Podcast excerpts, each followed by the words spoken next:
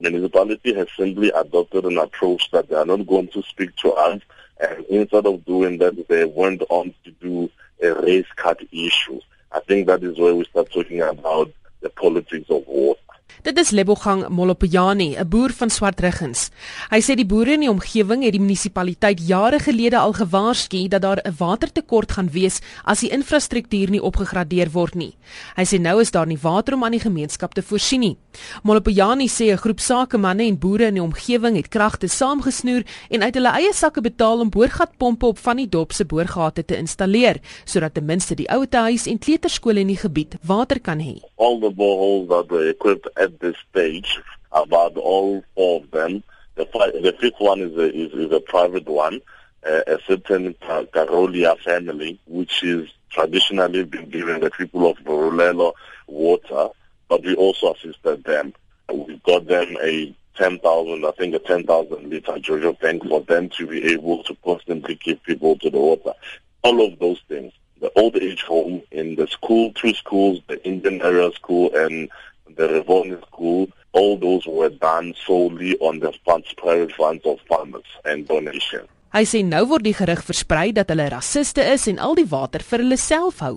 All this other sorts of funny comments that were made and and and, and all that. Because because the attitude, although the municipality is not saying directly to us this, but the attitude seems to be a black and white issue. That is why I'm saying we're also told where we're sitting right now that there are groupings, political groupings that have been grouped in order for them to march into the farms because they are told by somebody unidentified in municipality that the the farmers are holding water.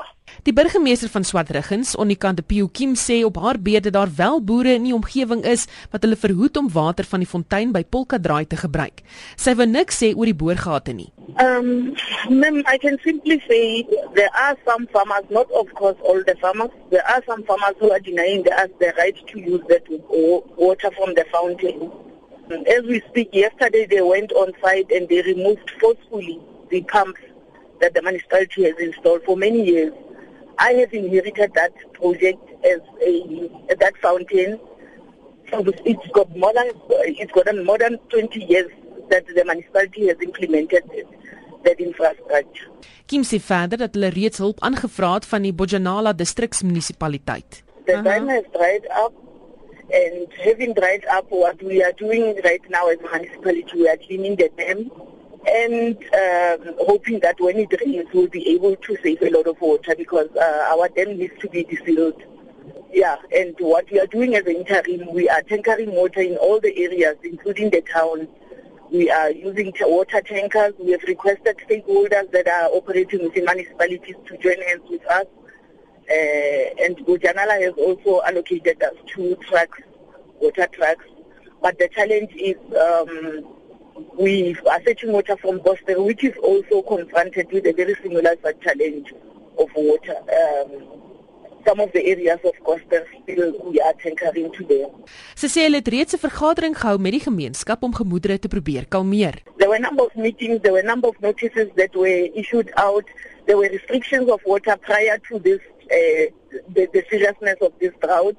We introduced these water restrictions. A number of things were done So our communities are quite aware of the challenge, but since well we are now operating with a few trucks, then that becomes a challenge because everybody expects to have water and you know they get just impatient with the the asset that we have in terms of tankering.